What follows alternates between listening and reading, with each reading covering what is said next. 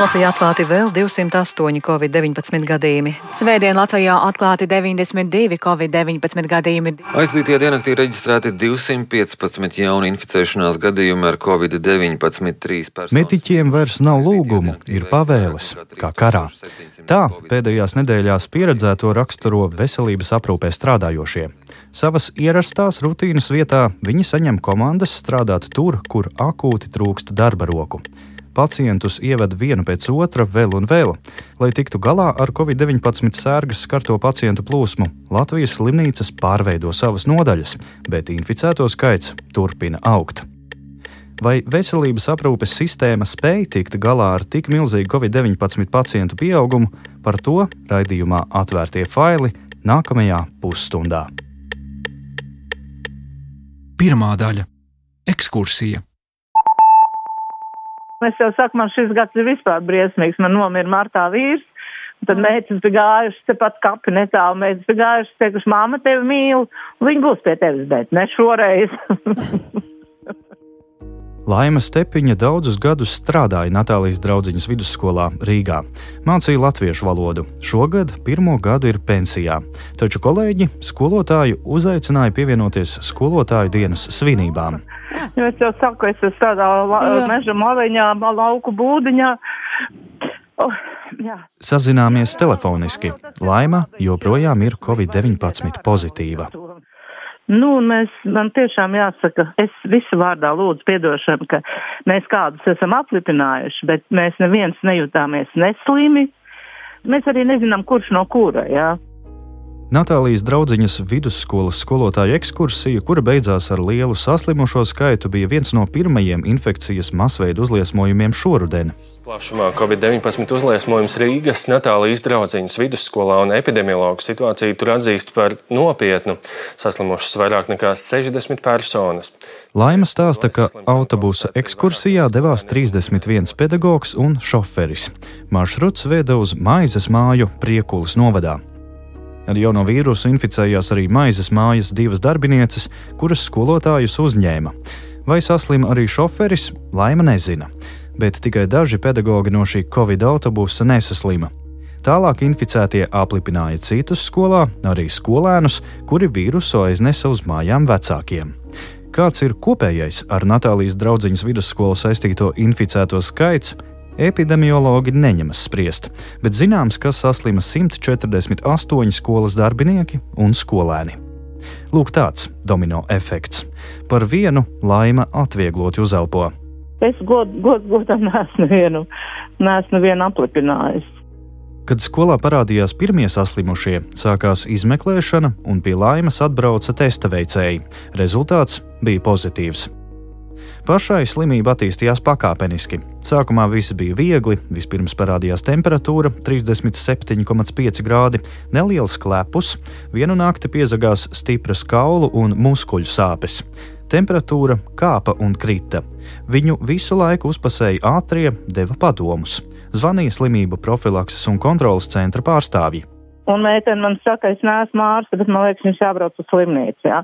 Nu, es nebiju atstāt nevienu brīdi, nu tāda pamesta, jā, bet nu es esmu vienu, man pašai ir jāizlem.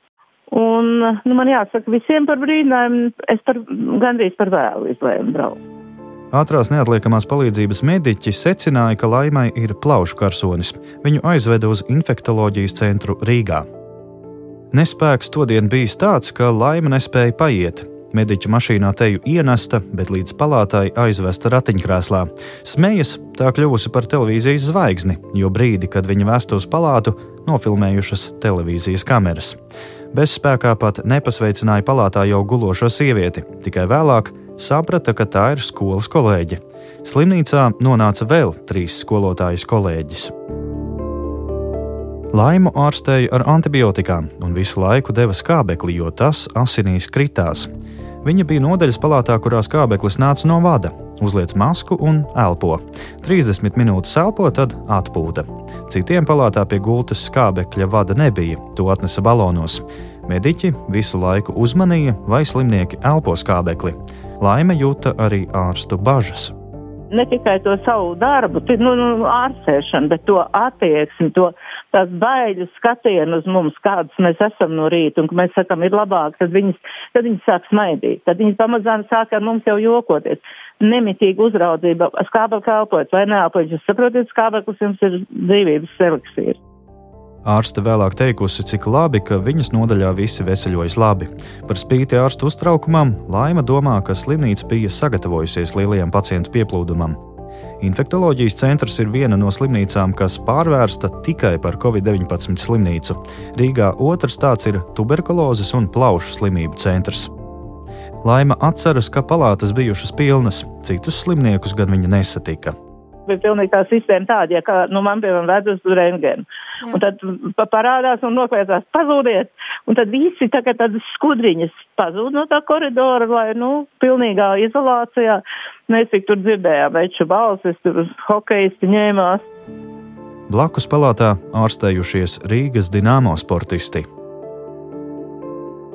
Mediķi un personāls palātā nāca skafandros, Pacientes savu ārstu sejas nemaz nav redzējušas, atpazina tikai pēc balss un acīm. Laima pārliecinājusies, ka mediķu darbs Covid-19 laikā patiešām ir ārkārtīgi grūts. Brilles svīsti ciet, dubulti cimdi, speciāli zābaki, priekšauts. Ja veica kādu manipulāciju, tad arī pacientiem bija jāvelk sejas maska, kuru katru dienu izsniedza jaunu. Kopumā Laimas slimnīcā nogulēja 12 dienas. Ārstēšanās kurs bija beidzies, tomēr viņas status aizvien bija Covid-19 pozitīva. Mediķi ļāva doties mājās un nodeva ģimenes ārstu uzraudzībā. Mājās Iecavā viņu nogādāja ar speciālu transportu, kuru saorganizēja pašvaldība. Rīdziniekus mājās nogādā slimnīcas transports. Par visu ir padomāts, Laima saka. Bet vai tā tiešām ir? Otra daļa kara laukā.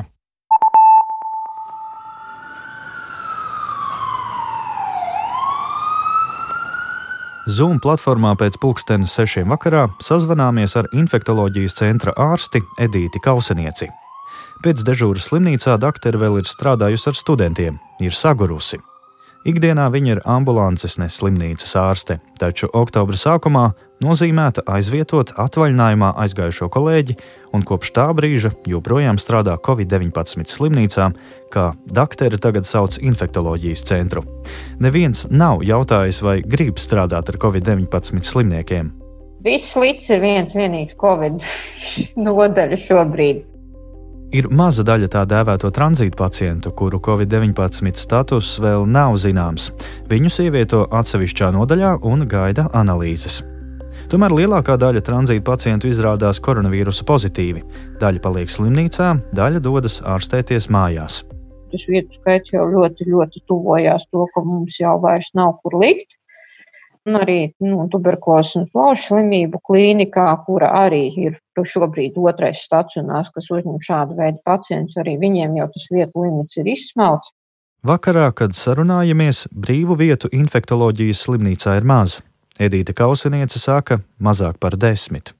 Šos pacientus koridoros neviens likt netaisās. Vismaz pagaidām cerams, ka līdz tam mēs arī nenonāksim. Otrs ir tas, ka nu, jāņem vērā arī dzimuma sadalījums, jāņem vērā arī tas, ka uh, smaguma pakāpes, jāņem vērā arī to, ka uh, šiem pacientiem ir nepieciešams nodrošināt skābekli, kas prasa zināmus drošības pasākumus un arī nu, tīri tehniskie ierobežojumi. Līdz ar to nu, tas uh, faktiskais gūtu skaits neatbilst reālajam gūtu skaitam. Ja ņem vērā skābi vajadzību pēc skābekļiem, tad tas vietu skaits ir apmēram 83, 86. Jā, nu tad, ja to neņem vērā, tad tas ir apmēram pa desmit vairāk. Jā, nu kaut kur līdz tam simtam tas aiziet, kas ir tie oficiālie dati, jā, bet nu, īpaši vairāk arī, arī, arī nevar. Salīdzinot ar pavasari, pieaudzis ne tikai saslimušo skaits, bet arī slimnīcā pavadīto dienu skaits. Pašlaik stacionārā nonāk tikai tie, kuru veselības stāvoklis ir patiešām slikts. Un te Covid krīze sāpīgi izgaismo problēmas, kuras medicīna ir izjutusi gadiem. Problēmas, par kurām ārsti nepagurdami runājuši gan medijos, gan valdības sēdēs. Ja ārste Edīte Kauseniece tagad varētu ko lūgt valdībai, viņai būtu tikai viena prasība vairāk ārstu un aprūpes personāla. Mediķi pašlaik strādā uz spēku izsīkuma robežas. Ja būtu tas, kad uh, noteikts rakus it kā oficiāli, neoficiāli, bet ka uz vienu stāstu slodzi vajadzētu būt 12 pacientiem, nu, reti kurā nodaļā šobrīd tas tā ir. Reāli mums tā pacienta noslodze uz vienu ārstu, vēl jau vairāk, ja mēs sākam niansēs runāt par certificētiem ārstiem, ir lielāka. Reizēm tas ir divas reizes lielāk, reizēm tas ir trīs reizes lielāk, reizēm, nu labi, būs nevis 12, bet būs 14 vai tas būs 16. Bet viņi ir lielāki. Vadība ir spiest pārplānot šos cilvēku resursus. Arī manā gadījumā tas ir tā, ka, ja tā bija kā plānota aizvietošana sakarā ar kolēģis atvaļinājumu, tad tas viss ievilkās drusciņi ilgāk. Tieši šādu iemeslu dēļ, nu, attiecīgi, mani kā pilnā slodzē strādājoša ambulatorās aprūpes ārstu, vismaz uz šo laiku es biju pārcelta kā uz stacionāru. Attiecīgi, tātad veselā pilnā slodzē strādājoša ambulatorā pacienti tika vai nu viņu pieraksts atcelts, vai viņi tika sadalīti pa citiem kolēģiem, no attiecīgi tās lodzes, protams, pieaug. Vai atkal tas, kas jau tāpatās nav bijis ideāli, atkal ambulatorā veselības aprūpe cieši. Daktere neslēpj vēl kādu faktu. Arī mediķi baidās saslimt ar covid-19, kurai pagaidām nav ne zāļu, ne vakcīnas. Arī medicīnas darbinieki ir tikai cilvēki. Arī viņiem ir tieši tāpatās bail, Ir, kuri vienkārši atsakās strādāt ar šādu veidu pacientiem. To, ka mediķi pretēji dotajam zvērestam atsakās no darba ar covid-19 pozitīviem pacientiem, stāsta arī citās slimnīcās. Nu, protams, kad eh, mums jau arī daži gadījumi, kad uzzina, teiksim, personāls, kad pacients, kāds pacients nodaļā, nu, viņi arī baidās, viņi grib paņemt zilās lapas, nu, tas ir tīri cilvēcīgi saprotams. Cilvēki baidās, ļoti daudz baidās arī medicīnas darbinieki tā skaitā. Ir cilvēki tikai. Tā saka Vidzemes slimnīcas ārstnieciskā direktore Inga Ozoliņa. Kamēr ārsti mēģina tikt galā ar covid-19 pacientiem, kavējas medicīniskā palīdzība citiem. Piemēram, infektuoloģijas centra poliklinikā ārstniecības pakalpojumus saņem chroniskie C hepatīta, HIV un AIDS pacienti. Tie ir cilvēki, kuri nevar palikt bez ambulatorās aprūpes, gluži tāpat kā citu infekcijas slimību pacienti. Vasaras gaitā un rudenī sākumā jau mēs redzējām, to, ka tas būs tā fona, jau tas pacientu stāvoklis bija pasliktinājies. Vēl pirms koronavīrusa ambulatorā aprūpe Latvijā nebija augstā līmenī. Tagad ārste baiļojas, ka Covid-19 pieaugušās slodzes dēļ tiks palaistas garām citas slimības. Visdēļ cieši šī pacientu ambulatorā aprūpe, uz kā fona kaut kādas slimības, kas būtu bijušas novēršamas, jā, netiek novērstas. Jā, un tad attiecīgi nu, tas viss pārvēršas tādā zināmā mērā apgūtajā lokā. Ja, ka visas šīs slimības, arī onkoloģisko slimību diagnostika, novērošana, atklāšana uz tā visa fona cieši. Ja, nu, visas šīs jomas, kas jau tā nav bijušas uzdevuma augstumos, uz šī Covid fona viņas cieši vēl vairāk. Tāpēc Kauseniece saka, arī pārējām slimnīcām būs jāiesaistās Covid-19 pacientu ārstēšanā. Ārvalstu pieredze rādot, ka nav jābūt infektologam vai plaušu doktoram, lai ārstētu koronavīrusa slimniekus. Reģionu slimnīcu gatavība uzņemt covid-19 pacientus ir dažāda. Reizeknas slimnīcas veselības aprūpes vadītāja Inese Drīķa apgalvo, ka pagaidām jaunais vīruss slimnīcas darbu neietekmē. Reizeknē ir infekcijas slimību nodaļa. Tā var uzņemt maksimums 25 pacientus ar vidēji smagu covid-19 slimības gaitu, arī dažus smagi slimos. Intervijas dienā slimnīcā ārstējas seši covid-19 pacienti, Viņi visi ir vidēji smagā stāvoklī. Un citu slimību pacientu un covid pacientu plūsmas ir nošķirtas. Covid pacienti ārstējas infekciju nodaļā, kas ir atsevišķa māja. Uz citām slimnīcām pacienti nav jāsūta, ar visiem tiek galā tepat Reizeknē. Mēs varēsim uzņemt smagi slimos COVID-19 pacientus, kuriem ir nepieciešama mākslīgā plaušu ventilācija, un šo pacientu skaits ir līdz trījiem pacientiem. Reizeknieši ir atbrīvojuši veselības ministrijas prasītos 15% gultu, lai varētu uzņemt pacientus no citām slimnīcām. Arī tas Reizeknē problēmas nav sagādājis. Vidzemes slimnīcā Valmierā situācija ir saspringtāka.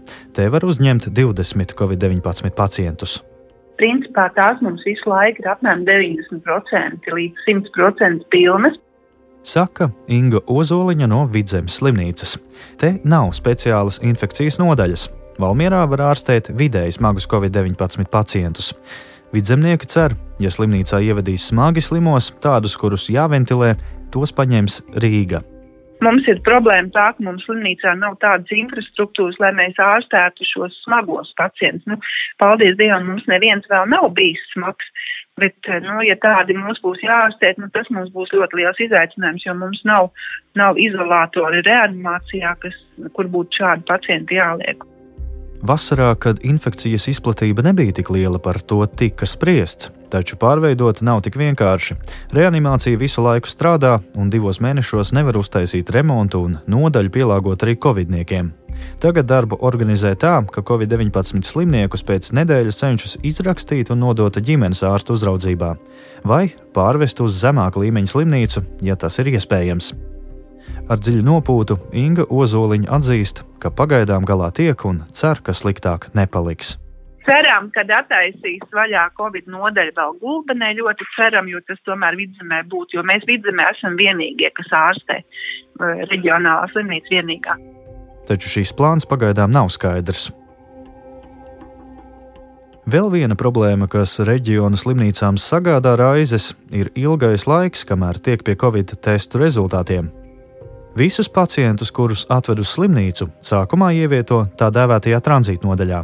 Neatkarīgi no tā, vai cilvēks slimnīcā nokļuvis Covid-19 vai cita iemesla dēļ, koronavīrusa tests jāveic visiem. Turpina Vidzemes slimnīcas pārstāve Inga Ozoliņa.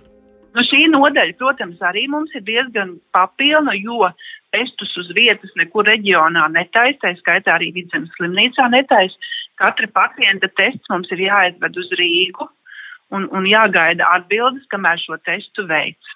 Atbildi Rīgā. Nu, mēs tagad vedam trīs reizes dienā testus. Tas nozīmē, ka uh, pacients principā šajā tranzīta nodaļā bieži vien uzturās pat diennakti. Tā situācija, protams, nav normāla. Būtu jābūt tiešām ātri dabonam atbildi un liekam tālāk uz nodaļu. No Reizeknes uz Rīgu analīzes veda divas reizes dienā. Arī Reizeknē rezultātu gaida diennakti kas ir nedaudz par ilgu. Piekrīt Inese Driča no Reizeknas slimnīcas. Un šo jautājumu mēs esam arī lūguši risināt veselības ministrijas un e, Nacionālā veselības dienesta līmenī, lai pēc iespējas īsākā laikā mēs uzzinātu atbildi un varētu attiecīgi rīkoties pacientu pārvadot vai nu uz infekciju slimību nodaļu, vai nu uz e, kādu citu stacionāra nodaļu. Pašlaik mēs esam arī pārorganizējuši darbu slimnīcā, un mums ir izveidotas tranzīta nodaļas, veselas divas, kuras ir sadalītas profilos. Viena ir ķirurģiskā profila, otra ir internā profila. Šajās nodaļās ir atsevišķi posteņi personāla, un šajās nodaļās pacients uzturas tik ilgi, kamēr tiek saņemta viņa covid atbilde. Un, attiecīgi, tad, tad tikai pacients tiek pārvirzīts uz viņa piedarošo nodaļu. Infektoloģijas centra ārste Edīte Kausaniece bažīs, ka analīzes ilgi jāgaida arī cilvēkiem, kuriem ir covid-19 simptomi, bet viņi vēl nav slimnīcā. Pacienti ar simptomiem gaida analīzi uz covid nedēļu. Tad, tad jau paiet nedēļa, kamēr pacients sagaida, kad viņš varēs nodot šo analīzi, kad viņam atbrauks uz mājām uztaisīt. Pēc ārstes domām, tas ir iemesls, kāpēc aug pacientu skaits ar smagu slimības gaitu. Nākamais ir tas, ka pietiekami bieži nu, šādi cilvēki, kuri it kā netiek pieskaitīti pie epidemioloģiski bīstamās grupas, arī viņu ģimenes ārsti netic to, ka viņiem varētu būt šī covid infekcija. Piemēram, apstāstot situāciju, nu, ir kundze gados, viņa pati ārā no mājas neiet, Jā, pie viņas tikai nāk sociālais darbinieks tik un tik reizes nedēļā. Kur tā viņa covid būs? Diemžēl mūsu pieredze jau un pēc sarunām ar pacientiem liecina to, ka cilvēkam nav jāiziet no mājas, lai dabūtu covid. Ja viņam ir jebkāds kontakts ar ārpasauli, kaut vai šis pats sociālais darbinieks, kurš arī var būt asimptomātiski šīs infekcijas nesātājs. Ar to arī pietiek, lai cilvēks tiktu pie covid infekcijas. Un arī šajā gadījumā tieši tā tas arī izrādījās, ka arī šī kundze, kur no mājas ārpus neiet un kurai ir tipiska pneimonijas aina, ir covid pozitīva. Cilvēki pie ārsta arī vēršas novēloti. Tiešām arvien vairāk tiešām tie, kas mums nonāk līdz mums, līdz stacionāram, Ļoti reti, kurš ir bez plaušu bojājuma. Ļoti reti, kurš būs ar vienpusēju plaušu karsonu, lielākoties ir apusējs plaušu karsons. Jā, vai nu, vai nu tas ir viens, tas, kas sasniedz šīs uh, riska grupas, kas ir pakļauts riskam smilimot smagāk, otrs, tas, kad pati infekcija kļūst nešpatnāka. Arī Reizeknes un Vidzemes slimnīcās novērots, ka ārstēšanās kļuvusi ilgāka. Vidēji tās ir trīs nedēļas. Tomēr ne visiem pieredze slimnīcās bijusi laba. Trešā daļa - vai pacientus šķiro? Par māsu jau Vēnspīlī pēdējās dienās jau gāja runa par to, ka uh, stāvoklis ir smags. Un tad man liekas, uzreiz uh, rodās jautājumi, kāpēc ārsti nerīkojās ātrāk. Un, kad es viņiem uzdevu šādu jautājumu, es atbildi saņēmu sekojoši, ka viņi jau tā pusi dienu esot cīnījušies, lai Rīga ņemtu māsu pretī. Tas ir fragments no Latvijas televīzijas filmas Covid-19 pozitīvs. Kalvis Liepa filmā stāsta, ka nesaprot, kāpēc viņa māsa stāvoklim pasliktinoties no Vēncpils slimnīcas nav pārvesta uz Rīgu. Lienai Liepai bija tikai 34 gadi. Viņa slimnīcā nomira. Ģimene pandēmijā zaudēja arī tēvu, Imantu Liepu. Arī tēva dzīvība izdzisa Vēncpils slimnīcā. Atbildēji bija sekojoši, arī precīzi neatkārtošu. Nu, sanāk tā, ka tētim 70 gadi, chroniskas slimības, viņš jau ir norakstīts. Cīnīsies pa jaunajiem, slimnīcās nesot vietas, Nu, atkal caur puķiem seciniet pati. Nu, tad tēvs ir jau ir norakstīts, lai viņš tur pavada savas pēdējās dienas, stundas vai minūtes, vai nezinu kā, ja, un seciniet pati. Tēvs bija sūdzējies, ka viņam izkritis kateters un zāles tā gultā, bet neviens par to neparūpējās. Ziemeļkurzemes reģionālās slimnīcas Ventspīlī pārstāve Viola Grīnvalde saka, konkrēto gadījumu komentēt nedrīkst ievērojot pacientu tiesību likumu, mēs nedrīkstam komentēt par konkrēto gadījumu. Vienīgais, ko mēs varam piedāvāt, ir intervija par vadlīnijām, un tas arī viss. Bet par konkrēto gadījumu, par veselības aprūpu sniegtajiem pacientiem, tur mēs nekomentēsim. Radījumam atvērtie faili zināms vismaz vēl viens gadījums, kas raisa šaubas, vai slimnīcā ir sniegta adekvāta palīdzība. Rudens sākumā, kad infekcijas uzliesmojuma vēl nemaz nebija, kādu covid-19 pacientu vīru pensijas gados Daugopils slimnīcā apskatīja un palaida uz mājām. Pamatojums - nesot simptomu. Pārvests mājās, vīrs tajā pašā dienā nomira. Tuvinieki ierakstā par savu pieredzi stāstīt nevēlējās, sāpes vēl ir pārāk lielas. Par to, vai reģiona slimnīcas tiks galā ar smagiem slimniekiem, Bāžas ir arī Latvijas infektuoloģijas centra ārstei Edītei Kauseniecei, bet skaidrs arī, ka galvaspilsētas slimnīcas frontes līniju ilgi nenoturēs. Covid-19 pacientu ārstēšanai vajadzīgs liels skābekļa daudzums, bet Latvijas slimnīcu infrastruktūra tik lielam patēriņam nav piemērota. Kaut kādā brīdī varētu ieslēgties arī problēmas, varbūt nu, pagaidām, pagaidām mēs vēl kaut kā iztiekam, lai nodrošinātu šo skābekļu terapiju. Tas pat nav standarta intensīvās terapijas līmenis. Tas ir kaut kas pavisam cits. Tie ir lieli daudzumi, liels plūsmas, kas rada šos tehniskos ierobežojumus. Komentēja doktere Kauseniece.